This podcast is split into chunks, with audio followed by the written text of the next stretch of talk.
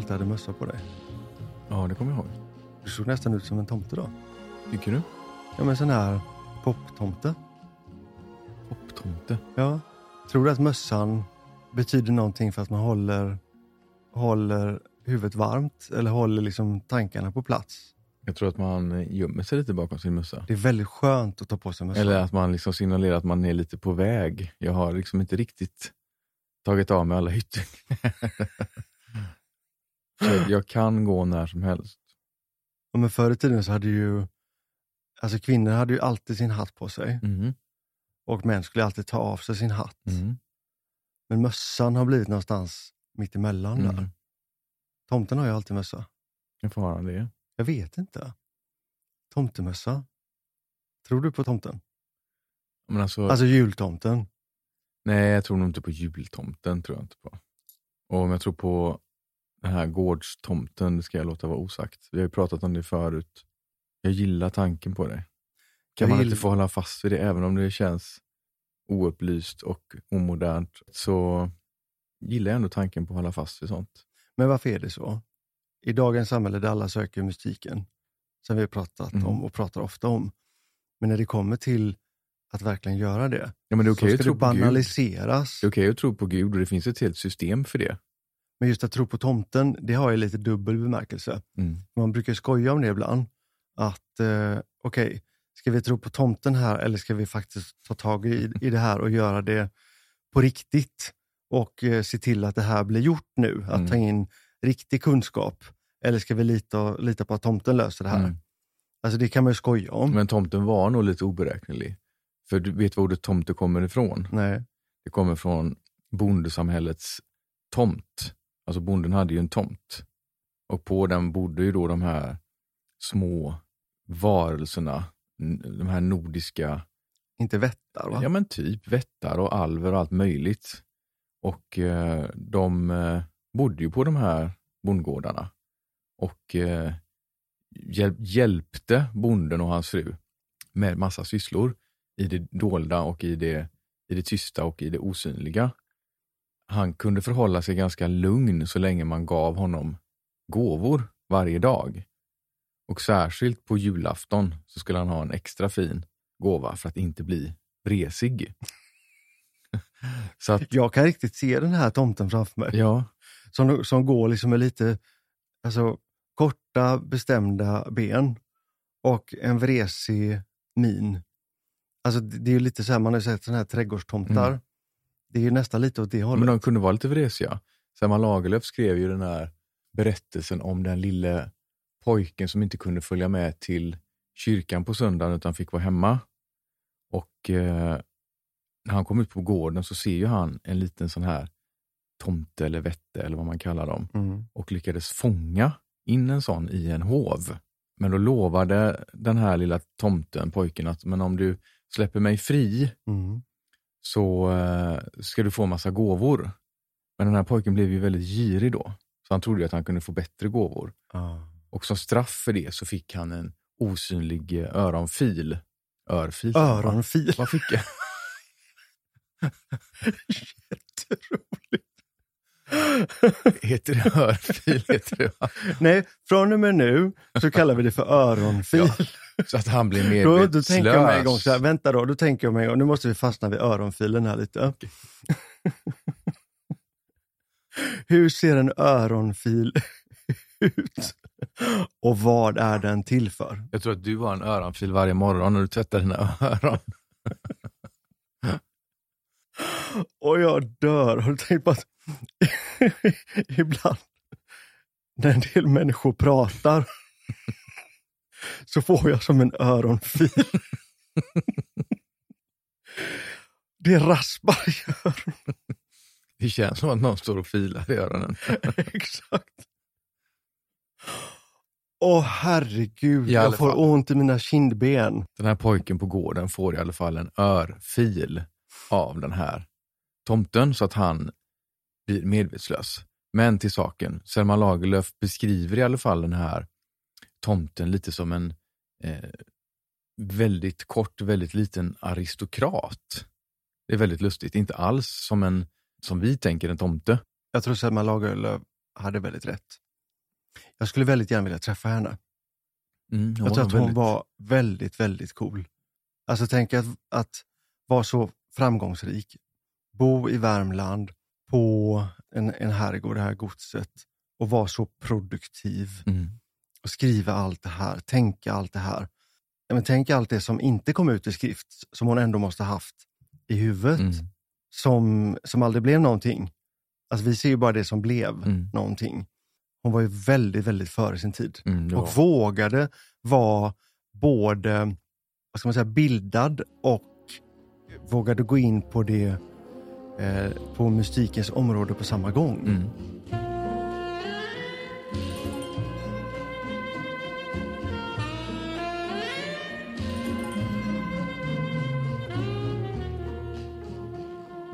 Vad dricker vi för te idag Patrik? Idag dricker vi faktiskt ett, eh, ett väldigt speciellt te. För det är ett te som eh, du och jag har komponerat Tillsammans med eh, Denise. med Denise på NK te och kaffehandel här i Göteborg. Och det är ett, ett julte. Vi har ju faktiskt eh, jul som tema idag. Då måste vi ha vårt special julte. Och det bygger på en, ett svart te med ganska mycket bergamott. Och sen drar du vidare. Nej men alltså jag måste ju börja med att säga att vi, ingen av oss är speciellt förtjust i julte egentligen. Man tycker liksom att de, de smakar lite mediokert, det blir lite platt fall på något sätt. Så när Denise fick den här uppgiften att ta fram någonting så var ju det, det var ju liksom ingen lätt uppgift. Vi ville ju ha ett, ett rundare te som inte var kanske fullt så, så fränt Mm. framförallt. Och jag tycker hon har lyckats jättebra. Det här har ju eh, kardemumma, apelsin, clementin, kanel, pomerans, eh, lite mandel, nejlika, ingefära. Så att det blir liksom, det är både lite spetsigt, lite syrligt, lite friskt, men också det här nästan lite indiska, eh, mörka chai-runda i botten. Så jag Det- tycker att det blir det väldigt gott. Mjukt och mustigt och eh, men väldigt, väldigt juligt. Mm. Om du skulle välja en av favoritkryddorna i eh, det här teet, vad, vad hade du valt då? Eh, alltså många av dem är fantastiska och viktiga ingredienser är väldigt mycket. Bara en sån sak som pepparkaka till exempel. Ja. Men jag skulle nog faktiskt ta kardemumman. Vilken skulle du ta? Nejlika. Jag älskar nejlika. Jag älskar doften av det. Det lärde jag mig i Turkiet för massor med år sedan att de eh, åt ju inte tuggummi när man Ja. ville fräscha upp munnen utan de stoppade en liten Nejlika. torkad nejlika i munnen Precis. och så tuggade lite grann på den. Det tror jag man gjorde över hela Europa. Ja, det kanske man gjorde. Ja. Det känns ju väldigt eh, Mellanöstern. Mm. Och det har jag ju testat ibland och det är så gott. Och sen har det ju säkert mängder med eh, härliga antioxidanter och allt möjligt i sig. Mm. Men varför hade du valt kardemumma? Ja, men jag älskar kardemummakaka. Jag kan inte tänka mig ett liv utan kardemummakaka. Så då blir jag ju tvungen att välja kardemumma. Jag kan nog tänka mig ett liv utan pepparkaka, även om jag tycker det är väldigt gott. Alltså, man kan inte tro riktigt på vad du säger, för jag hör hur det rasslar i den burken varje dag med pepparkakorna. Vilka pepparkakor är din favorit? Jag skulle ju Du får gärna inte vilja ta min. säga... Nej, jag kommer inte ta din. Nej. Jag skulle nog vilja säga hembakade, men jag har provat och det blir jätteäckligt. Du har bakat, de har aldrig blivit goda. Antingen blir de så mjöl När eller bakade brända. jag Det pepparkakor? är hundra år sedan. Min Ja. mamma gjorde väldigt goda pepparkakor. Och då var det ganska mycket, eh, my, ganska mycket av kryddningen i. Mm. Och framför allt det här, alltså få i lite svartpeppar. Så att de får ett litet sting som bits lite på tungan. Det gillar jag. Och sen, eh, nej, jag stannar där. Jag tycker faktiskt det, det är de godaste som, eh, som min mamma gjorde. Det Mhm. finns inget som slår dem. Okej. Jag tycker att Nyåkers är godast. Alla dagar i veckan. Mycket smör, men också precis som du sa förut, mycket kryddor. Har man börjat med dem så blir det väldigt svårt att äta några andra. Vet du, när jag var liten så hade jag en sån här jättekonstig grej med pepparkakor. Mhm. Jag älskade typ i februari att äta de här pepparkakorna som hade hängt i fönstret. Och fy, Glasyren tyckte jag var jättegod och så att de var lite sega och smakade lite papper. fy. Nästan så här. Åh, jag tyckte det var så gott. Ja, det smakar ju inte gammalt. Det smakar ju damm. Fy vad du pratar tråkigt. Det smakar inte damm. Det har liksom mognat lite grann bara. Du är Vad- kakmonster. Jag är kakmaster, ja. Mm. Vad tycker du om de här då som ska ner i liksom den här ostburken? Ostburken. Ja, men det är inte en burk de har ost i, mögelost. Pratar du om stiltonost? Stiltonost heter det. Ja. Ja. Men vad tycker du om det där då med de som tycker att de är lite käcka och trendiga, som ska ha mögelost på pepparkakor? Och så känner de sig lite, Ja, men det var ju precis det jag menade. och lite modiga och lite tuffa. ja, Liksom. men det var ju precis det jag menar. De Det får, väl- något, de får något i blicken. Ja, Så, de känner sig liksom lite som att de gör något förbjudet Ja, sådär. Liksom. ja, jag är ju lite Crazy då, va? crazy. Men du gillar ju ändå mögelost. Men måste du prata om det här? Varför inte? Men ap- apropå att vi pratade om hur äckligt det var med stiltonburkar med, och pepparkakor, så Ja. du berätta att jag gillar ost helt plötsligt. Ja, men, vad är då skillnaden på eh, mögelost och mögelost? Det är jättestor skillnad, precis som det är med allt annat. Vad är det för skillnad på vin och vin? Vad är det för skillnad på frisör och frisör? Ja, det är mycket. Det är Ja. stor skillnad. Precis, vi släpper Mm. det där. Ja, vi släpper det där. Mm.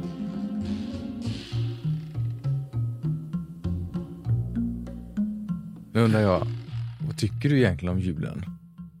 Jag gillar julen. Jag älskar julen. Men jag gillar lugnet i julen. Alltså att verkligen se till att det blir en lugn period. Lugnet i julen, de orden går ju inte ihop någonstans. Men det gör, alltså från början är det ju det. Jag vet, Från början, ja men nu pratar du väl inte om, om ett fiktivt liv, du pratar väl om ditt liv och vårt ja liv? fast jag tycker nog ändå att alltid så har jag försökt att hitta lugnet i julen. Det har du väl inte gjort? Du har ju stått på morgonen i kalsonger och gjort den där förbaskade skagentårtan som du ska ha med dig hem till dina föräldrar. Men det är ju hundra år sedan. Ja, men vad var lugnet då? Det Nej, då var det lugn. inte så mycket lugn. Nej. Men det blir lugnare sen. Men jag gillar om jag får julen på, på vårt sätt. Men så tror jag alla skulle kunna svara. Att Ja. Får man julen på sitt sätt så tycker man om den. Ja. Men Tyvärr installations... blir det väldigt sällan så. Men jag tycker vi har varit väldigt bra på det. Tycker du verkligen Ja, det? jag tycker och det det. tycker inte jag. Ja, men det var för att du har, du har ofta lite så dåligt samvete. Och eh, det hör ju inte ihop med julen alls heller. Nej. Och det smittar ju lite grann på allting. Ja, Jag tycker det är så mycket krav och det är mycket måsten och det är mycket blir sådär klyschigt. Liksom. Jag har väldigt svårt för de där klyschorna. När folk liksom skriker över axeln på stan när de möts på gatan sådär med ett stort leende. Det blir sådär, äh. Och så ser du bakom den här fasaden precis, Så att är det, det är ju inte så för många. något som snurrar. Ja, En klocka som går baklänges typ. som jag minns det så var, gillade jag julen som väldigt liten. När magin runt den fanns kvar. Mm. Men sen i takt med att man blir äldre så blev det något väldigt eh, snarare traumatiskt för mig. Så som jag är uppvuxen så var ju liksom julafton var ju, som jag minns det, lite grann första gången det verkligen blev liksom det här dukade festbordet Mm. och att man samlades allihopa och åt middag. Det var inte riktigt så hos mig när jag var liten. Och mina föräldrar jobbade ju skift så det var ju alltid bara någon av dem hemma. Mm. Så det blev, och på kvällen var det ju kvällsmat hemma hos mig och det var alltså ingen middagsmat utan det var te och smörgås. Så just det här julbordet, mina första minnen är liksom att det är någonting väldigt, väldigt speciellt. Och det där följer med ganska länge, men sen du vet när man blir så här, när jag började bli 13, 12, 13, 14 år, så insåg jag ju att det såg inte riktigt ut och var inte riktigt som jag ville att det skulle vara. Jag, jag såg ju framför mig mer en Fanny Alexander-jul. Och där satt ju vi runt det här vita 80-talsbordet med vita rottingstolar. Typ en liten, liten, liten bit utanför köket och det var full belysning på fortfarande i köket. Och byttorna med rödbetssallad stod där liksom med locket av. Och det var pappersservetter. Tittar man på gamla kort så tänker man så här, men herregud, allting har ju liksom färgen av urkokta grönsaker typ. Och Mm. mitt i det satt jag med mina drömmar. Och så där någonstans så började skavet hos mig kring jul. Men det är väl samtidigt det som har tagit dig dit där du är idag, att det är så viktigt åt andra hållet. Du har ju vänt någonting, alltså, eller upplevt någonting och känt att men det, här, det, det är inte så här jag vill ha det. Jag vill ha de fina kopparna, jag vill ha, eh, det ska vara eh, amaryllis och granris som doftar och det ska vara allt, men allt hyacinter. Men då ska det vara de här härliga hyacinterna, inte de från, från Willys som knappt orkar slå ut. Men det började ju redan då. Alltså, då hade jag ju börjat jobba på MTV Studios och eh, älskade ju att styla och göra hår och sminka och så. så att jag köpte ju massa kläder till min syster. Så redan på julaftons morgon så började jag ju klä ut henne och klä upp henne i detta. Mm. Och sen hår och makeup på det. Och själv hade jag ju en jul lånat den outfiten som han som var med i Sikta mot stjärnorna var Elton John hade på sig. Ett par skottskrutiga byxor och en, en röd, illröd kavaj med guldknappar och kinakrage. Detta tog vi på oss och när man tittar på de här korten nu så ser man liksom en typ en mörk Beyoncé och en rödklädd Elton John sitta vid det här vita köksbordet med de här beiga pastellerna och mormor och morfar gråhåriga och alla ser så här lite smått sura ut. och det var mitt sätt att på något sätt ta mig igenom det här. Liksom. Tänk att göra en film om det här. Ja, det skulle man faktiskt kunna göra. Det skulle man verkligen kunna göra. Och jag älskade ju... För att det symboliserar ju otroligt mycket och som faktiskt många har varit med om. Att sitta någonstans där man tänker att jag, jag måste vidare. Jag måste framåt. Och så tar man det steget redan där, som du gjorde då med, med Elton John-kläderna. Det blir ju lite på lite olika nivåer. Jo, men jag vet inte hur hälsosamt det där var för de andra egentligen. Jag kommer ihåg, det var ju samma sak, då hade jag börjat tjäna pengar. Mm. Ganska mycket pengar till och med. Och jag älskade ju på samma sätt att överdriva med julklapparna. Så jag satt ju hela julklappsutdelningen och bara längtade tills folk skulle öppna mina julklappar. För jag visste ju att det skulle vara de finaste. Det, var det särskilt snällt? Men jag säger ju det, det var ju inte snällt. Men det var mitt sätt att överleva det här och ta mig igenom det här. Och senare sen, när vi hade träffats, då tyckte jag ju att, att vi hade blivit en familj och vi levde så som vi ville leva Mm. och hyllade livet på vårt sätt varje dag. Mm. Men julafton blev ju en dag när helt plötsligt det här skulle slitas upp. Helt plötsligt blev du en annan person och stod du där med den där förbannade skagen, tårtan som du skulle göra. Och så skulle jag bort till eländet i Säve. Jag hade liksom valt bort det livet och, var för, och valt ett liv med dig. Men så fort julen kom så fick jag liksom stå tillbaks kändes det som. Och det tyvärr tror jag tillbaka inte. till det du sa med julen. Jag tror och inbillar mig att det är så här för väldigt många människor. Jättemånga. Julafton är en dag där de får åsidosätta allt det man kanske har byggt upp, Mm. det man tror på, eh, en livsstil man kanske har valt till förmån för det kollektiva, Mm. eller familjen, Mm. eller traditionen eller vad det nu är. Och jag tror att många mår dåligt i det. Mm. Det ska vara mysigt, det ska vara härligt, det ska vara vackert, det ska vara pyntat och barnen ska tindra med ögonen och alla gamla ska sitta och le och så ska det ätas, och det drickas och det ska vara supermysigt och superhärligt. Och så blir det precis tvärtom. Vi har ju räknat ut att, eller vi har, inte vi har räknat ut, men vi, har, vi, vi vet att ett normalliv så har man 30 000 dagar. Och mycket, många tusen dagar går åt till barndom och ungdom Mm. och några tusen går åt till eh, ålderdom. Mm.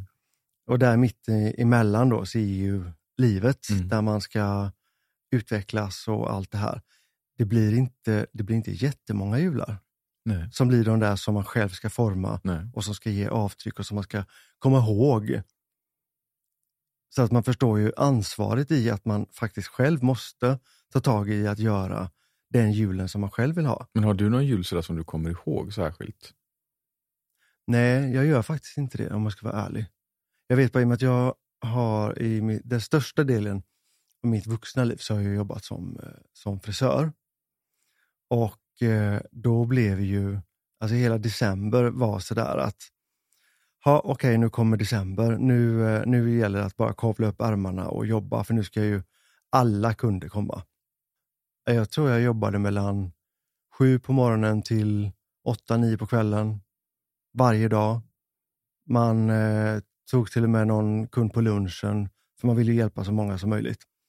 Och då blev ju det det där typiska på julafton. Att man vaknar på morgonen och så kände jag, jag hade tappat rösten, jag hade bihåleinflammation, jag hade feber, jag hade fått influensa. Alltså det, du fattar inte. Du som aldrig är sjuk? Jag som aldrig är sjuk, peppar peppar. Men på julafton efter en sån alltså uppdämd eh, arbetssituation så var det som ett brev på posten. Och det, det här är ganska vanligt, ska du veta. Kroppen säger ifrån. Ja. Så det, är, det är väldigt mycket eh, mina, mina minnen från, från jul var just att jobba hela december jättehårt och sen vara sjuk över, över jul och harkla sig igenom julafton, sova juldagen, kurera sig jul, annandagen och sen börja jobba igen. Mm. Men det var ändå ganska kul. Det blir ju någon, det blir en särskild stämning på salongen Ja. under jul. När det är julmusik och alla är, du vet, så här, det är det som du hatar, man tittar på varandra och bara skakar på huvudet. Men jag jobbade ju också i det i många år när jag var på NK-salongen. Men jag minns ju det här med liksom den här stämningen, uppiskade stämningen för att få folk att handla och ruschen i huset och alla som kom in och ville, ville få sina paket inslagna just i NK-papper. Det var ju väldigt viktigt. Och, men det var liksom lite speciellt på något sätt. Alltså hur, men om, om du tänker jul och nostalgi, Mm. vad säger du då? Men jag har så himla mycket kopplat till julen. Dels så eh, jag den här Göteborgs Domkyrkas gosskör. Från det att jag var sex till jag var kanske 15. Det är jättemånga år. Då hade vi ju julaftons morgon i Hagakyrkan. Och om det någon gång var fullsatt i kyrkan så var det just då. Det var ju så att det klättrade på väggarna typ. Mm. Och jag hatade ju det när jag helt plötsligt blev uppryckt från den här underbara julaftonsmorgon som man hade som barn till att helt plötsligt liksom behöva gå upp klockan sex påhejad av liksom mormor och morfar och farfar och Mm. mamma och pappa och sådär.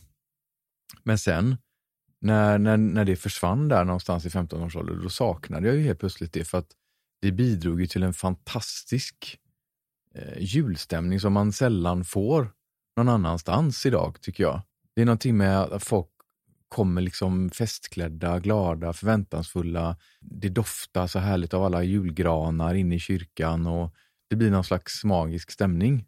Jag fick ju tillbaka mycket av den här julkänslan sen på senare år när jag åkte på de här årets julkonsertturnéerna med eh, Charlotte Perrelli. Jag tror vi började 28 november någonting. Och sen var det 30 dagar i rad ända fram till den 23 som vi hade sista Mm. julkonserten dagen före julafton. Men det blev ju också julstämning. Jag minns den där perioden när du var borta. Sen om du kallar det julstämning, Jo men det var ju det, vi började oftast högst upp i Sverige. ja. Typ i, kanske i Umeå eller något sånt där. Mm. Och sen jobbade man ju sig neråt hela vägen genom Sverige ner till eh, Malmö och sen tillbaka upp eh, genom Sverige. Och så var väl sista kanske den Borås eller jag minns inte, något sånt där. Och sen Mm. hem på natten. Men jag kom på faktiskt en tradition som jag tycker vi ska ta upp igen. Vi tog bort den eh, rutinen första gången vi åkte till Frankrike istället. Men Mm. vi åkte ju faktiskt alltid till eh, London innan jul. Det var fantastiskt. Också om man vill ha julstämning så finns det väl inget bättre ställe. Och sen bodde vi då på lite olika eh, jättemysiga hotell. Det var på. Browns och det var på Haslett. Så skulle vi dricka afternoon tea någonstans och vi skulle ja, men få hela den här jättesköna känslan. Och det var verkligen så mysigt. Mm. Och där, det doftar ju jul och, och det är Alltså det, det, fin- det, finns ett, det finns ett lugn i den farten som är ändå i London. Mm. Att det, men att det är genuint. Ja. Och då äter vi ändå ingen, alltså vi hatar ju julmat. Tänk att vi är så lika. I alla fall jag gör det. Ja, men, ser du mig äta julmat någon Nej, men gång? du ska alltid ner i den här skinkjäkeln och hacka lite. Alltså men en riktigt god skinka på ett riktigt gott vörtbröd. Det är vansinnigt gott. Men det får, En gång det om får väl året. vara okej Ja, med den där lilla, lilla runda fina som du brukar göra. exakt. Jag hatar verkligen julmat. Jag kan inte förstå hur, hur den traditionen har kunnat leva kvar. Alltså julmaten är ju en kvarleva från en tid där människor åt den här typen av mat. Mm. När man la in fisk i salt i stora tunnor och man var tvungen att göra eh, sylta av kött för att det skulle hållas och så vidare. Och jag förstår inte hur det har kunnat, vi har ju släppt på allt annat. För Mm. Människan har ju en strävan efter att vara eh, modern hela tiden. Mm. Men inte när det kommer till just julmaten. Ja, Men det, det är traditionerna där igen. Men vem äter grisfötter? Det finns säkert de som gör det och jag får väl säga ursäkta till dem att jag säger så här, men jag förstår det inte. överhuvudtaget. Vad har du för fa- favorit på eh, julbordet? Jag har överhuvudtaget ingen favorit. Jag har, så länge jag kan minnas ätit typ köttbullar. På senare år har jag inte ens ätit korven. Och eh, typ vörtbröd med smör. Och jag vet, jag minns när jag fortfarande firar julen hemma så var det förbjudet för alla att sätta sillburkar nära ost och smör. För att om någon skulle sträcka sig så kunde det ju droppa ner i smöret eller osten och då kunde jag inte äta. Nej men vem kan det det? är samma sak med Janssons frestelse. Varför ska man förstöra denna underbara potatisgratäng Mm. med vad är det? Ansjovis. Ansjovisspa och ansjovis. Alltså, det vänder Mm. sig i magen på mig när jag tänker på det. Jag förstår inte. Det är som att människor på över en, över en natt så blir de vettvillingar och grottmänniskor. Kommer du ihåg när vi var på, på Fiskekrogen här i Göteborg? Som har ett julbord som är, alltså det är så fantastiskt.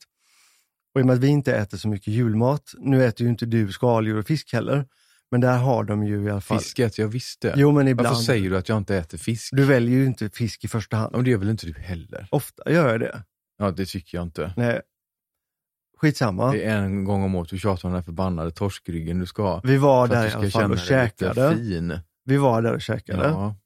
och åt fantastiska kräftor och räkor och ehm, alltså Jansson, ja, men allt var verkligen så här underbart. Men då var det en, amerik en amerikansk familj som satt granne med oss. Mm. De hade inte riktigt förstått hur man skulle äta det här, även om servi serveringspersonalen förklarade att man börjar med det här, sen så går man vidare här och sen med detta. Men jag tror det var morfan eller farfan där i det sällskapet. Han gick, han tog den största tallriken. Sen började han med, med bröd i botten och sen la han på alltså allt och sen så avslutade han med att ta pepparkaks-tiramisu och lägga Nej! Överst. på toppen av alltihop. Och då var det pepparkaks-tiramisu, sen så var det då korvar och sen så var det Nej, men sill. fy! Men tänk också då, den här saliga röran, den ska ju sen sköljas ner med all denna alkohol. Ja, det förstår jag inte. Och det måste jag säga att det är, jag, det är jag faktiskt väldigt tacksam för. I min uppväxt så har det faktiskt inte funnits alkohol på det sättet Nej. alls. Inte här heller. Jag har, tror nästan aldrig jag har sett i, som barn med någon av mina föräldrar onyktra. Utan det var ju liksom, på den tiden var det julmust och öl typ. Mm, julöl. Och min pappa gillade inte starköl vet jag, så att det var ju typ mellanöl. Mm. Så det blev inte så mycket alkohol, utan det var ju först senare kanske som ah, men när vi hade börjat semestra utomlands där vid 12-13 års åldern och vinintresset började vakna hos mina Mm. föräldrar. Det var först då det kunde bli ett glas vin kanske till, till julmiddagen.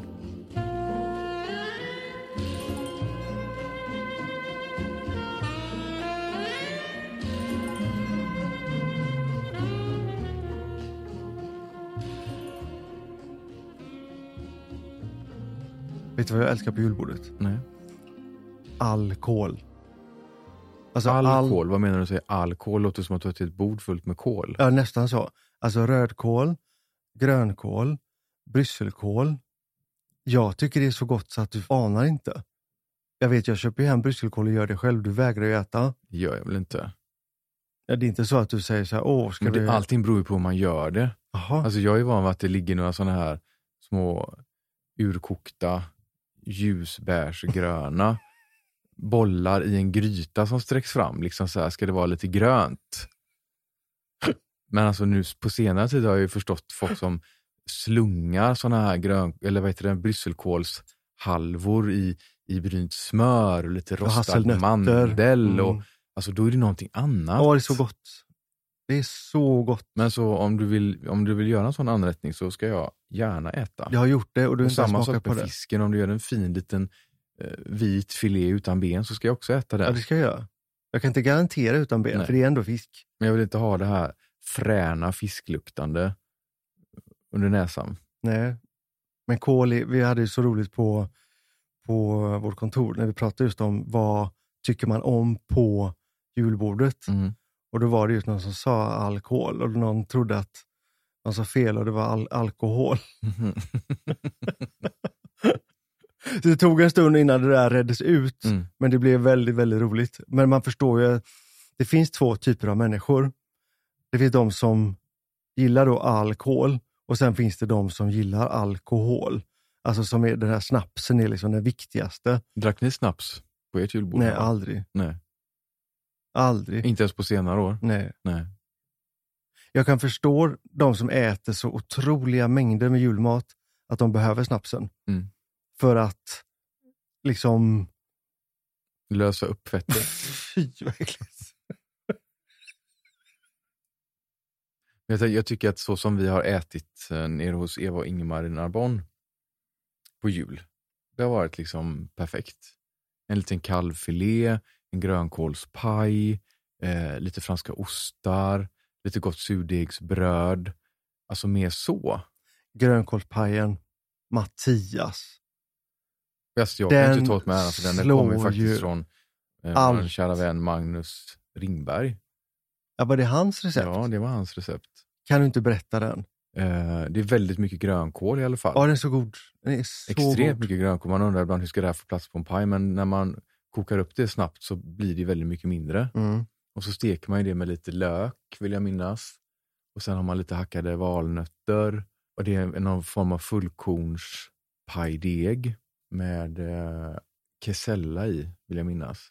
Och lite svamp brukar jag göra också. Nej, men den är väldigt, väldigt god. Den skulle jag kunna äta Och sen Alltså, så man går till salhallen alltid. utanför, nej, i princip utanför huset, fem minuters promenad typ, så ligger ju en av Frankrikes absolut vackraste saluhallar i Narbonne. Så går man dit så pekar man på köttet man vill ha. Där kan vi prata julstämning.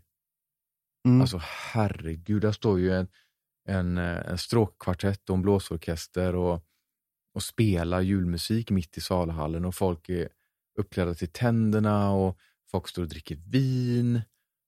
Sen har jag inte så mycket till övers för den här gåsleven och allt det här, men Mm. det kan man blunda för. Ostronen går också förbi. Vad sa du? att- Ostronen. Jag tyckte du sa ostöronen. Öronfil och ostöron. Det är mycket öron du. Visste du att eh, det som vi känner som dagens jultomte, Mm. att det är en sabla blandning av massa olika saker egentligen? Nej, det visste jag inte. Nej, alltså nu, det här är ju ingen faktapodd, så nu får ni ta mig med lite nypa salt. Men jag ska göra en väldigt, väldigt, väldigt lång historia, extremt kort. Det började alltså på 300-talet i Asien med ett skyddshelgon som hette Nikolaus. Han utförde goda gärningar i det osynliga, oftast på nätterna när folk låg och sov. Och var det någon som någon gång såg honom utföra de här goda gärningarna, det kunde till exempel vara att, att ställa en, en påse med guld utanför ytterdörren till exempel. Då fick eh, den personen som såg detta lova att aldrig, aldrig berätta för någon om vad de hade sett. Och sen färdas ju detta vidare liksom i folkmun genom många, många, många år och sen på 1600-talet så åker holländarna över till eh, New York som då hette New Holland med dessa historier om den här gode och snälla mannen som de kallar för Sinterklaus. Och det är då en sägen om, eh, om en snäll gubbe som ger presenter. Och då är vi alltså inne på 1600-talet. Och eh, detta lever vidare och på något sätt så döps ju det här om då till Santa Claus och inte Sinterklaus. På något sätt så korsar det här då den här svenska mytologin om de här tomtarna som är vresiga och bor på bondgårdar. Just det.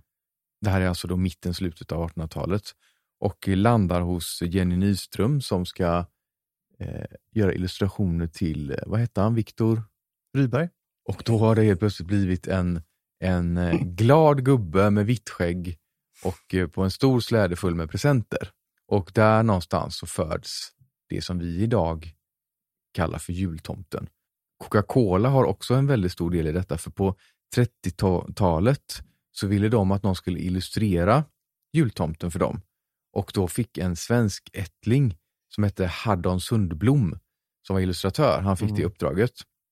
Och han jobbade alltså för Coca-Cola ända från 1931 till 1964 med att göra illustrationer på jultomten.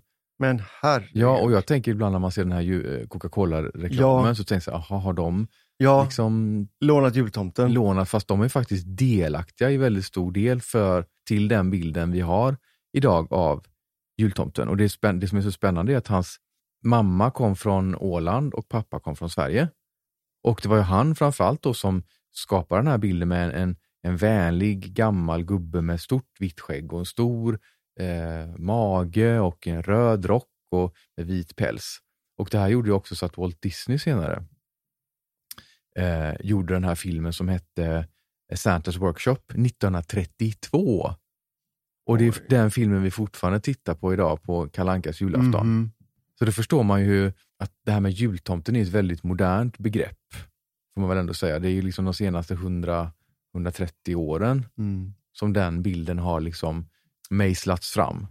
Men tänk att vi har skapat någonting som har blivit en, en dröm hos Ja. alla och en, en myt Men då som får- man gärna vill ja. sticka hål på. Men kan man inte, kan man inte bygga på den myten Jo, istället? men jag tänker också så här som är lite spännande, att om man tänker amerikanska människor, mm. säger man amerikanska människor, det gör man inte. Amerikaner? Amerikaner säger man. Eh, deras Santa Claus är ju faktiskt egentligen en annan tomte. Mm. För han härstammar från Nikolaus, Mm. Asien, 300-talet. Mm. Medan vår jultomte är en blandning av lite av det, men också av den här nordiska mytologin med de här hjälpsamma vättarna på Mm. bondgårdar. Så det är inte ens samma tomte riktigt. Nej. Det är en mix Det är en mix. av allting. Lite spännande tycker jag. Ja, det är en integration kan man säga. Och en annan jätterolig kuriosa tycker jag är att visste du att Hej tomtegubbar hette Hej morsgrisar från början? Och att den skrevs redan i mitten av 1800-talet.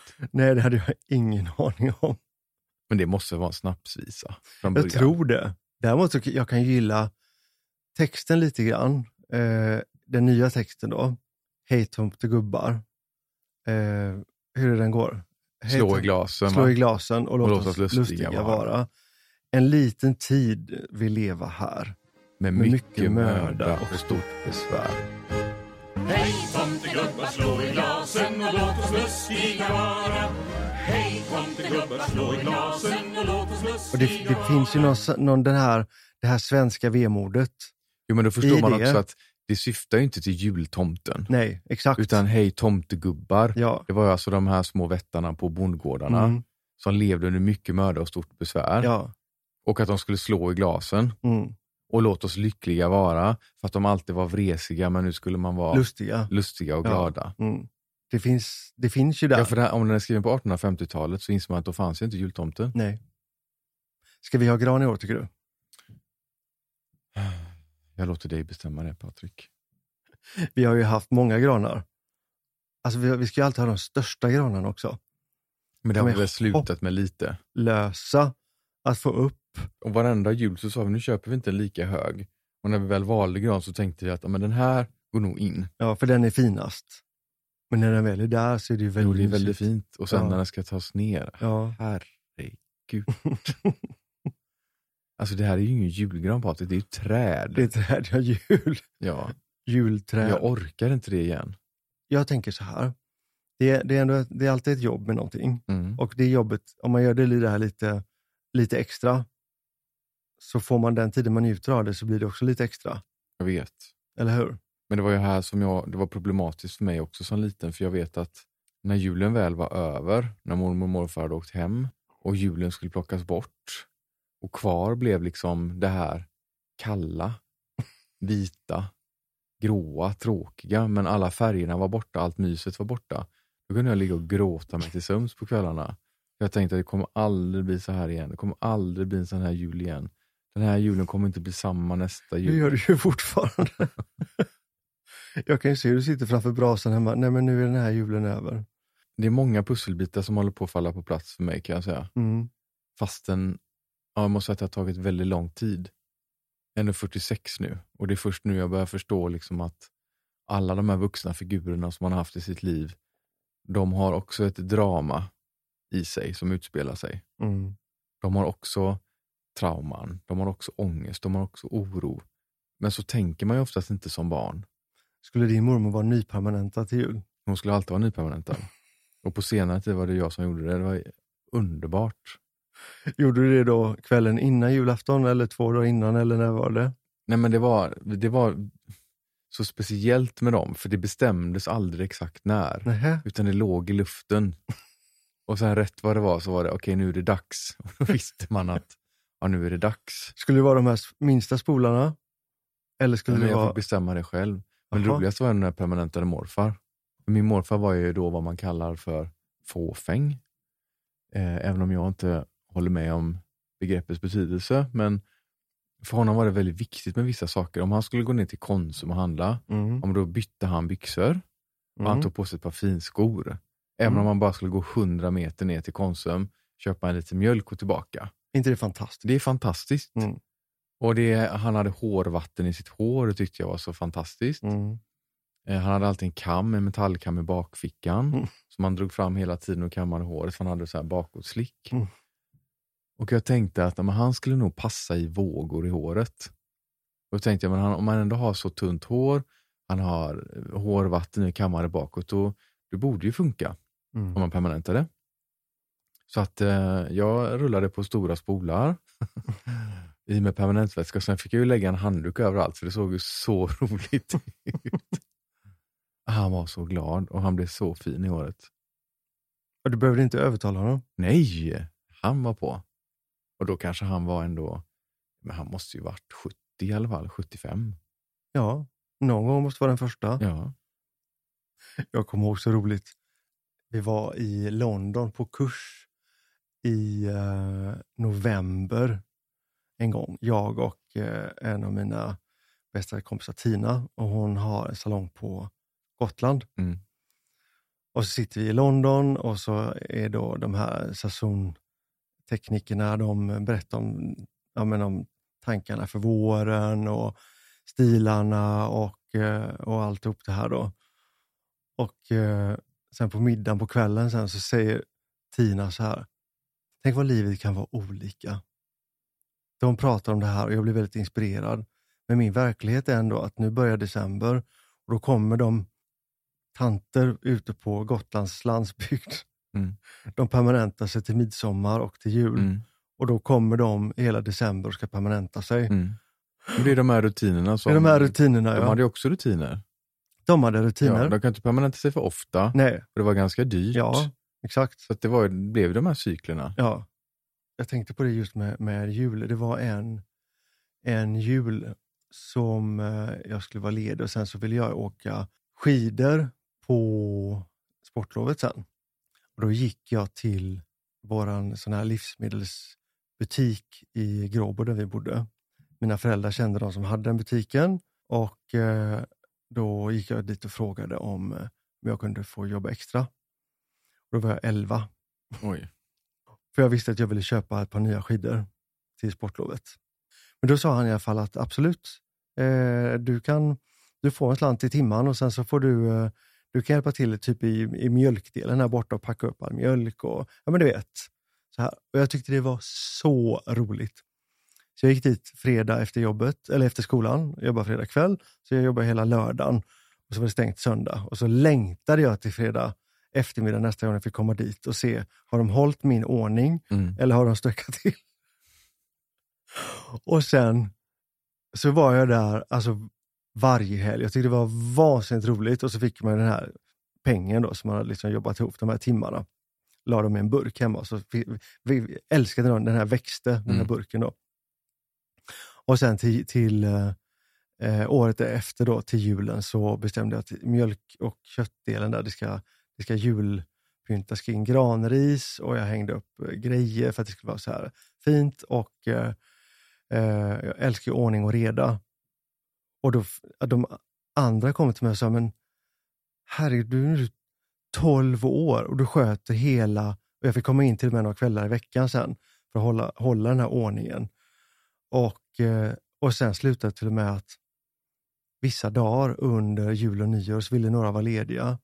Och det var ju en, en ganska liten affär. Mm. Och jag sa att men jag tar hand om det här, det är inga problem. Mm. Så jag tog, skötte kassan, och skötte upp. Men satt du i kassan? Jag satt i kassan. Men du måste, på den tiden stämplade man ju in för hand. Stämplade in för hand. Som på en miniräknare. På minirä- miniräknare. Var inte det jättesvårt Nej. om man hade en hel kundvagn full med mat? Nej, det var inte svårt alls.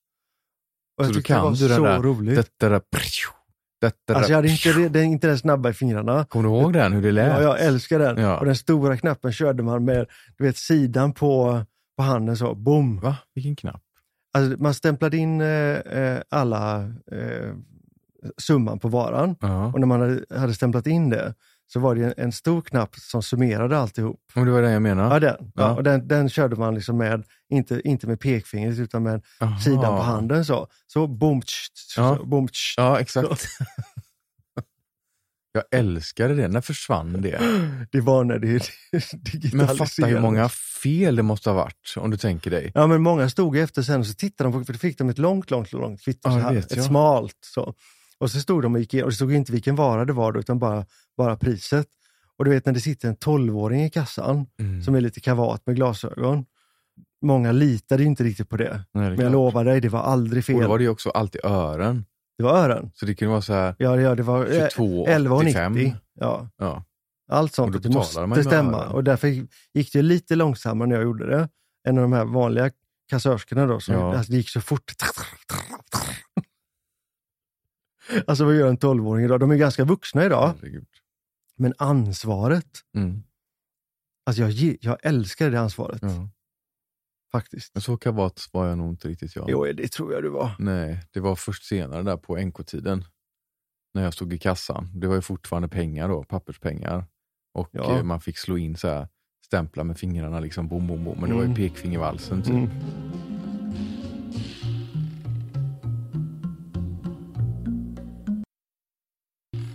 Men du Mattias, har du något sånt där special julminne? Alltså det har man ju massor säkert. Men jag har ett som lite grann sticker ut, förmodligen för att det gjorde ett känslomässigt starkt intryck på mig. Och det var, du vet, när julafton var liksom till sin ända och när de flesta hade gått och lagt sig, så vet jag en jul så var det bara jag och morfar kvar. Och då hör jag eh, White Christmas börja spelas på tvn. Mm. Och det visste inte jag då, men det är tydligen en film Den filmen? med Bing Crosby. Och då säger min morfar till mig, det var så otippat liksom, för det var, klockan var säkert, om den kan ha varit 11 eller något sånt där, Mm. kanske till och med 12, jag minns inte. Och han säger till mig så att vi kan titta på den. Och det var mitt sånt där, jag älskade min morfar jättemycket. Men det här var på något sätt, det blev lite mer personligt Mm. än vad det hade varit förut med honom. Mm. Och jag minns hur vi båda två satt och tittade och det kändes som att vi tittade i samförstånd. Det kändes som att vi såg samma saker. Och det kändes lite som att jag fick se en annan sida av min morfar. Men det var bara den gången.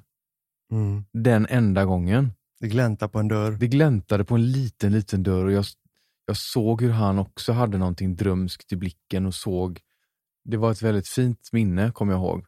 Och just den här, bara den här låten White Christmas, bara den i sig är ju liksom så underbart vemodigt vacker. Varför tittar man inte på 40-talsfilmer mer? Eller gamla inte. filmer? Alltså både du och jag älskar ju det, men vi slutade med det Jag älskar det. för länge Kan vi sedan. inte göra det i jul? Vad säger du om jag säger Judy Garland Christmas show? då? Älskar hennes Christmas shows. Alltså allvarligt, alla som lyssnar, om ni har tråkigt en dag vill få lite julstämning, gå in på Youtube och så skriver ni in eh, Judy Garland Christmas show. Det var ett stadigt inslag i USA under många år där hon tillsammans med sin familj faktiskt hade en julshow. Mm. Alltså det är så snyggt producerat Ja. och det är sån nivå på underhållning som man blir sådär, men varför kan ingen göra någonting sånt idag? Exakt. Med den här känslan, Ja, det var med det så här bra. genuiniteten också. Mm. Alltså jag, vi har ju sett till och med när Liza Minnelli var liksom, hon var ju typ tidiga Jag var tonåren. liten. och hennes lillebror och hennes lilla syster de är med liksom och dansar och sjunger och sitter vid öppna spisen och de tar hem gäster. Ja, det är så, Ja, men de, är så de är så otroligt bra. duktiga på det där amerikanerna. Det här med dramaturgi och, och kvalitet och nivå på saker. Ja. Vi är nog väldigt amerikaniserade. Du och jag. Kanske. Hollywood, Disney. En av våra stora inspirationskällor är ju Ralph Lauren Mm. till exempel. Mm. Och då menar jag inte stilen på kläderna, utan faktiskt hur, hur han har byggt upp hela sitt imperium och sitt företag. Att det bygger väldigt mycket på en dröm. En dröm om ett, ett vackrare liv, en dröm om en, om en härligare, mjukare Ja, vardag. nybyggarandan, den Nybyggarandan. finns ju där. Det är friends Den and family. Och allt det här. Och det, det smittar på Mm. ett väldigt, väldigt härligt sätt.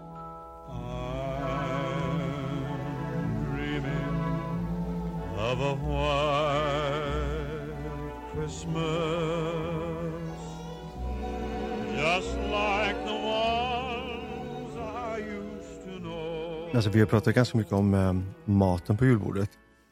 Jag är ju en eh, som har förkärlek för saffran. Mm. Älskar ju saffran i allt. Saffransbullar är så gott. Det är så konstigt att jag inte riktigt får till det där med saffran. För jag älskar kryddor och överkryddar ju allt och framförallt den typen av kryddor. Mm. Men just saffran får inte riktigt till det. Är det för att det är för torrt kanske när man äter en saffransbulle? Men jag vet, du gör ju, um, nu låter det också, du? du och din ost. Men vad du tjatar om min ost, vad är Du det ju för en- ost du pratar Du gör om? en ostkaka. Jag vill inte vara en ostmänniska. Det är mycket man inte vill du. Men jag är ingen ostmänniska, tycker inte jag i alla fall. Nej, men du gör en nu ost. får du mig framstå som en ostmänniska. Du gör en ostkaka. Ja. Och då har du ju saffran i den på jul. Det har jag väl inte. Har. Jag har aldrig haft saffran i den kakan. Jag har haft kardemumma. Du har haft saffran i. Och det minns inte jag. Den var knallgul. Och det var, det var jättegod. Eller som våra grannar kallar den för kesokaka. Ja, de gillar inte den alls du. Nej. Eller grynkaka, eller vad var det hon sa? Det är inte några hö höjarop när det, när, det, när det bjuds på den. Men jag gillar inte ostkaka egentligen heller. Men här är faktiskt väldigt god. Mm. Och den är ju extremt lätt att göra. Kan vi få receptet? Jag ska se, jag kan ta det i huvudet här. Då tar man två ägg och eh, två matskedar socker, vispar ihop. Sen har man i en och en halv matsked mjöl, vispar ihop. Eh, två deciliter grädde och vispar ihop igen. Och sen i med en stor sån paket med keso och snurrar ihop det. Så kan man ha i lite hackad mandel. Jag brukar ha det om jag har det hemma, annars så skippar jag det. Eh, I en ugnsfast form. Och så brukar jag toppa med lite mandelspån om jag har det hemma, annars kan man skippa det också. Och så in i ugnen på 175 grader i 40 minuter. Ja, den är jättegod. Busenkelt och så gott med lite rårörda hallon, lite lättvispad grädde eller vaniljglass. Alltså man kan ju variera det där som man vill. Vi har ju faktiskt gjort en annan sak nu den här julen också. Vi eh, har ju designat en egen eh, julbukett Ja, som eh, finns på NK jul, eh, NK NK jul. julrosen. NK eh, blomsteraffär som heter Vildrosen. Precis. Och eh, då har vi gjort en bukett som är med röda maryllis, röda nejlikor, rosa amaryllis och en rosa ros och lite så här jättekola gröna grejer. Det kan antingen vara tall eller det kan vara gran, någonting eller cypress. Den är ju eh, lite avantgardistisk men cool på samma gång.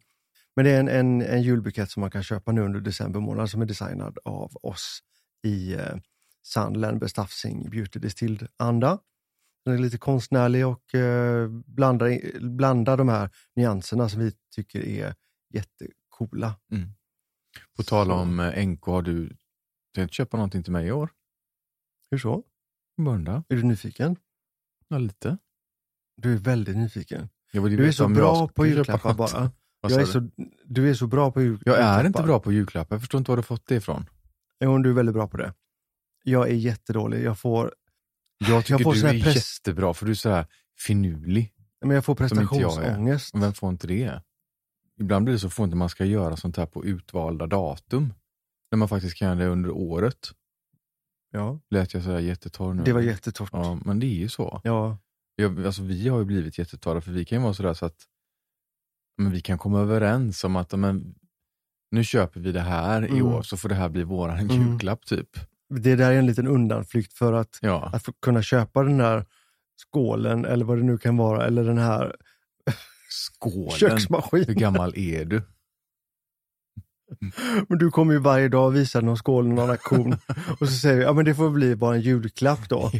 Och så helt plötsligt så har det blivit massor med julklappar Ja, och det är allt ifrån, ja, vad det nu kan vara. men det var jättesmart. Men ja, jag har köpt en grej till dig i jul. Har du? Mm. Men du har ju sagt att vi inte skulle köpa något. Nej, men nu, nu säger jag det då. Och eh, den är inte jättedyr. Ja, vad bra. Så behöver inte jag ha någon ångest Nej, då. du behöver inte ha någon ångest. Men den är, men den är lite finurlig. Ja, men du är duktig på finurliga saker. Men jag tror att det är för att jag har tränat upp att ser jag någonting, då köper jag det. Om man börjar tänka för mycket så funkar det ju inte alls. Och då kan man komma tillbaka till, eh, till uh, yogan igen då. Mm. Nu har vi inte yogat på länge. Du, behöver inte, du behöver inte dra den. Den är inte har, kul längre. det här är vårt 24 eller 25 avsnitt Ja, och du du, har behöver- yogat en enda gång Nej, under du de behöver, här. inte, 25 du behöver veckorna. inte gå in på det. Nej. Vi tränar jättemycket. Ja, men jag tycker det är så roligt att, att du tycker det är okej att man får säga att man yogar, men skulle jag sitta här och säga till alla, ja men alltså du vet att det är så kul nu med tennisen, vad skulle du tänka då? Har han gått och blivit knäppen? Han har aldrig ens hållit ett rack. Men det är väl lite skillnad. Den. Men alltså, det, alltså gå på tennisen Patrik, det var helt fantastiskt. Eller jag tänkte på det, det är som nu, du vet, men alltså det är som nu i tennisen, vi sa det här en dagen att ja det är ändå bra liksom att, att Du köra på. på riktigt. Men fattar du inte vart jag vill komma? Jo, jag fattar vart du vill komma. Med yoga så är det Men- sådär, då är det okej att yoga mentalt och alla de här sakerna. Men det är inte någon annan sport eller vad man ska kalla det. Nej. Jo, dans kan det vara lite så. Man kan faktiskt dansa mentalt. Kanske. Ja, men det gör jag ibland. Du driver med mig. Nej. Sitter du och dansar mentalt? Ja. Går, går det runt i huvudet? Sitter du Ja. och blundar så går det runt så här? Ja. Det gör jag jätteofta. det är inte som att jag står på en nattklubb i huvudet och dansar, utan det är mer liksom att jag, att jag kanske har en koreografi som jag kör igenom i huvudet. Du har varit på någon sån här hiphopkurs? Nej men sluta, jag har inte varit på någon hiphopkurs. Skitsamma. Skitsamma. Mm. Då minns jag i alla fall Vi har i alla fall inte yogat någon av oss på 25 Kitty Strand i alla fall. Hon sa till mig, för det var en session, så sa hon så här, men gud vilket flyt du fick. Det var, jag kände till och med att jag blev vigare, Mhm. att jag du vet, kom igenom. Och då sa hon, jag såg, se. men då sa hon, jag såg att du slutade tänka. Mhm. Och det stämmer verkligen. Mm. Och jag tror att det, det gäller allt. Alltså i hela livet. Så fort man börjar tänka för mycket så kan det gå riktigt, riktigt... Men är inte det du, åt pipan. som du gillar att kalla det där ordet, som du säger att du kommer in i ett flow? Kalla det vad du vill. För att skaffa ett jobb som du inte känner att du jobbar så behöver du inte jobba en dag hela ditt liv. Ja. Blä. klyschor, klyschor, klyschor. Jag tänkte på det. Hur är din drömjul? Den är nog väldigt, väldigt lugn och mörk och mysig. Jag älskar ju amaryllis och hyacinter och, och gran och tall och allt och snö. Alltså den är väldigt, väldigt klassisk.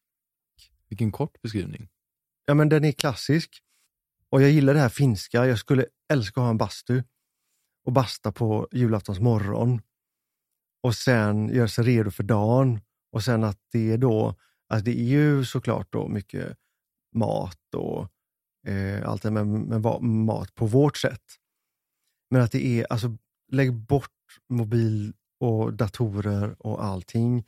Mycket levande ljus och brasa och alltså hitta friden. Men allt det där, undantaget bastun, kan du ju faktiskt göra. Det gör Ja. vi nästan. Hur ser din drömjul ut? Men ungefär samma. Fast Mm. kanske lite mer storslagen. Men varför skulle inte min vara storslagen? Men den kan väl vara storslagen för dig? Ja, men jag tänker så här, då, då går jag tillbaka till mig då. Mm. Då tänker jag så här, man har sina frukostkläder och så har man lunchkläder och sen kanske man till och med klär upp sig lite Men extra på Nu frågar kvällen. du mig. ja, men du, ska du, liksom det ta- var ungefär som att du rackar ner på min Nej, jul det var lite. för att jag växlade upp så insåg du helt plötsligt att din jul kanske inte var... Nej, Jag rackade inte ner på din, jag sa att min skulle vara lite mer storslagen. Okej, men min är nog ännu mer Och i och storslagen. med att du jag. svarade som du gjorde så antar jag att du förstod vad jag menar med Ja, jag storslagen. förstår precis vad du menar. Ja. Jag tänker nästan lite så här, nu svarar jag igen för att det är din, det är din Men det gör ju du prata. alltid. Nej, Jag är van vid det. Jag har levt så här i 25 år, det är inga konstigheter. Men tänk lite Downton Abbey, lite Agatha Christie, Mm. lite um, franska Men vad håller du avantgardistiska. på med nu? Ska du börja bygga historier Ja, här? som du inte kan slå. Försök att slå den du. Skönt att du erkänner i alla fall att det är en tävling till Ja. slut. Nu vill jag höra din. För det första så skulle den vara på ett slott, Mm. någonstans i Frankrike. Ja. Och jag vet inte, det skulle förmodligen inte vara snö där. Så att jag får väl helt enkelt överleva att det inte är någon snö, det är inget vinterlandskap. Jo men det kan det faktiskt vara, kommer jag på nu. Det kan vara lite snö. Jo men det ska vara lite snö. Okej. Och så ska det vara en sån här park med eh, buxbomshäckar och massa såna här saker och statyer som är så här snöklätt, du vet, Mm. vackert. Allt är enkelt, lugnt, det är en låg puls och det ligger som ett, ett tjockt täcke över allting, men det är ändå storslaget i det på något sätt. Och vi är inte ensamma, utan det är, det är många vänner, men det är nära vänner. Det är vänner som man har kommit över många trösklar med, så man behöver egentligen inte spela liksom charader med varandra. Man behöver inte ha några eh, konstiga fasader, utan man kan verkligen vara sig själv. Mm. Och då tänker jag mig att man har en typ en pyjamasfrukost där man hämtar mat i köket som är förhoppningsvis i en källare. Ett gammalt slottskök med bänkar, eh, koppar, kärl på väggarna, en stor jättestor La Cornue-spis och det ligger granris på spisen så det sprider sig en sån här underbar doft. Mm. Och det finns bara det bästa av det bästa av allting. Risgrynsgröt, olika sorters te, kaffe, massa sorters bröd, eh, Danish pastries, eh, nötter, men typ allt. Och så äter man frukost ganska tidigt. Jag är ingen morgonmänniska, men jag tänker mig att frukosten är kanske redan vid någonstans kring sju. Och att folk lite grann så här smyger lite tyst i tofflor och pyjamas och Vissa kanske pratar lite tyst med någon, andra kanske inte pratar alls, utan man, man bara på något sätt, alla hittar sin lilla roll i det här eh, julspelet. Och så blir man väl sittande kanske ett par timmar, tänker jag. Två timmar. Man sitter till nio, kanske halv tio, dukar av. Och så fortsätter det så här under dagen. Ingen vet riktigt hur, varför allting bara flyter, ingen förstår sig på, men det är såklart ett väloljat maskineri där bakom.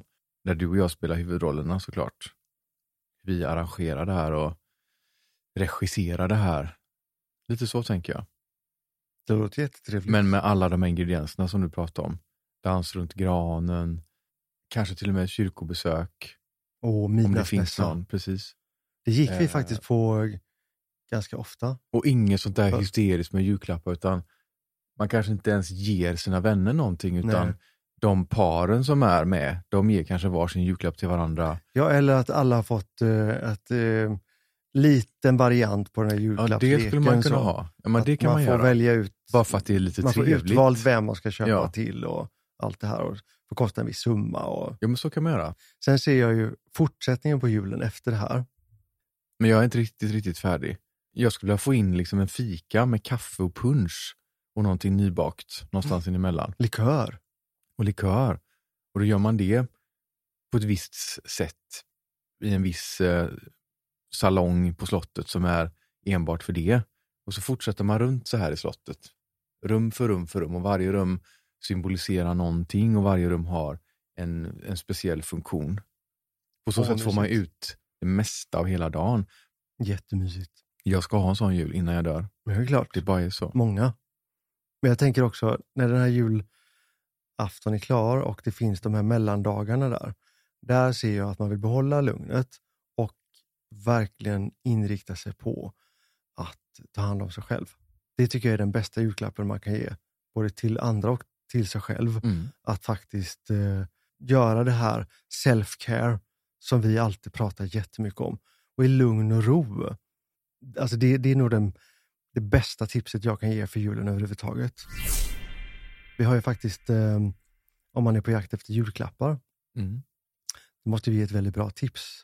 Där finns ju på vår egna sajt och även på eh, Åhléns och på parfym.se och på några andra ställen så finns ju våran eh, Beauty of Giving-låda som är så här perfekt julklapp med eh, hårspray och dry clean och en liten dry clean i Ja. också. Och det är verkligen den perfekta presenten för den som attans också jag glömde att köpa någonting till min systers dotter eller till min eh, kompis mamma eller till min, till min syster eller Vem till som. min mamma eller vad det nu kan vara. Och där har ju Mikael Selin gjort eh, vårt mönster som vi tycker representerar den här julen ganska mycket. Och Mm. det är lite grann de färgerna som vi valde även i buketten på, på NK. Har du något annat sånt där julklappstips? Alltså, nu låter Nu är vi ute lite grann i sista minuten här. Ja men alltså nu låter jag ju sådär vidrigt egenkär när jag säger så här igen. Men alltså jag är inte så mycket för själva julklapparna. Om jag fick önska så skulle jag önska om man kunde önska sig känslor, Mm. liksom, eller ge känslor. Att få det där som du pratade om tidigt här i podden, det här jullugnet. Mm. Och att få pulsen att verkligen gå ner. Och att ta sig tid och känna på alla underbara dofter som finns under julen och lyssna på all fantastisk musik.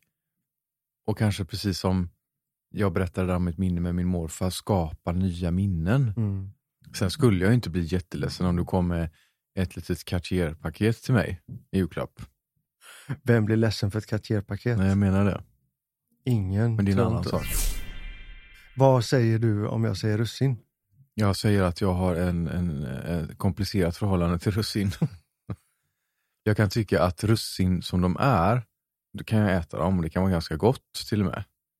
Men allt annat är, tycker jag inte speciellt gott. Vad tycker du om russin i vörtbröd då? Fruktansvärt. Jag tycker inte att russin har att göra i var- varken vörtbröd eller andra bröd eller lussekatter eller wienerbröd eller i mat. Jag tycker det är ganska äckligt. Det tycker jag med. Och det är rätt jobbigt att behöva sitta och pilla bort de där Jag vet. små rackarna. Ja. Vi gjorde en sån eh, frågeställning på, eh, på vårt kontor igår också. Vad folk faktiskt tycker om russin i eh, vörtbröd och i lussekatter. Vi måste ställa en fråga här. Okej, vad är det stora dilemmat då? Vörtbröd med eller utan russin? En av varje. Jag säger, jag säger med. På jul med, annars utan. Vörtbröd Det är för sött. med eller utan russin i så fall? Utan. Ja. Mattias? Utan russin. Fanny? Vörtbröd med eller, eller utan russin? Utan för mig. Du ser, jag tror ungefär 80 procent har sagt utan. Det var bara en som ville. Ja, det var bara en som ville ha, en som var en, en av varje. Bara alla blir nöjda. Snälla alla ni som trycker ner de här russinen i vörtbröden. Sluta Mm. nu omedelbart. Vi älskar vörtbröd utan russin. Vi kanske ska hitta på någon ny tradition. Alltså ta tag i det här, Hitt, hitta på en ny tradition. Kanske starta en, en jullunch eller en eh, någon... Eh, vi hade ju faktiskt nyår hemma hos oss ganska många år. Undrar om inte vi ska se till att göra en, en riktigt härlig nyårsmiddag hemma hos oss. Mm. Med dresscode och god mat och allt. Men det blir svårt att ha det utan kläder och utan mat. Men allt beror på hur man presenterar Vad menar du med och allt? Ja, men vi kanske till och med ska ha masker. du Vet. Om du är inne på det spåret? Ja. Oj då. Så att det blir lite minnesvärt. Allt man ska göra ska ju vara, vara alltså, att man kan samla det i sin minnesbank. Ja. Jag tycker vi nästan kan runda av där. Det tycker jag med. Nu tycker jag att vi ska ha en, en jättemysig eh, jul. Ja, och se till att skapa nya minnen. Bygga nya traditioner. Exakt. Och Ta- ta framförallt ta det lugnt och ta hand om sig själv och sina nära och kära hela julen. Yes. Tack så mycket för att ni eh, har lyssnat idag och eh, vill ni lyssna mer, passa på nu då under julhelgen och gå igenom hela vårt arkiv från 2022 och i lugn och ro ta en lång promenad och lyssna på något av våra Beauty Distilled avsnitt. Och för er som vill ha en liten Lamberger Staffsing touch på den jul så se till att gå ner till Denise på NK Café Te och köp vårt underbara julte. Och så går ni upp till Maria på NK Vildrosen och så köper ni våran julbukett. Eh, för er som vill lära känna oss mer så kan ni gå in på Lernberger Staffsing, Patrik Lernberger eller Mattias Staffsing på Instagram så hittar ni mer. Ha en underbar jul nu och glöm inte att ta hand om varandra. Gå gärna in och prenumerera och eh, sätt stjärnor överallt så att vi kan fortsätta podda länge. Och en riktigt god jul från oss. Hej då! Hej då!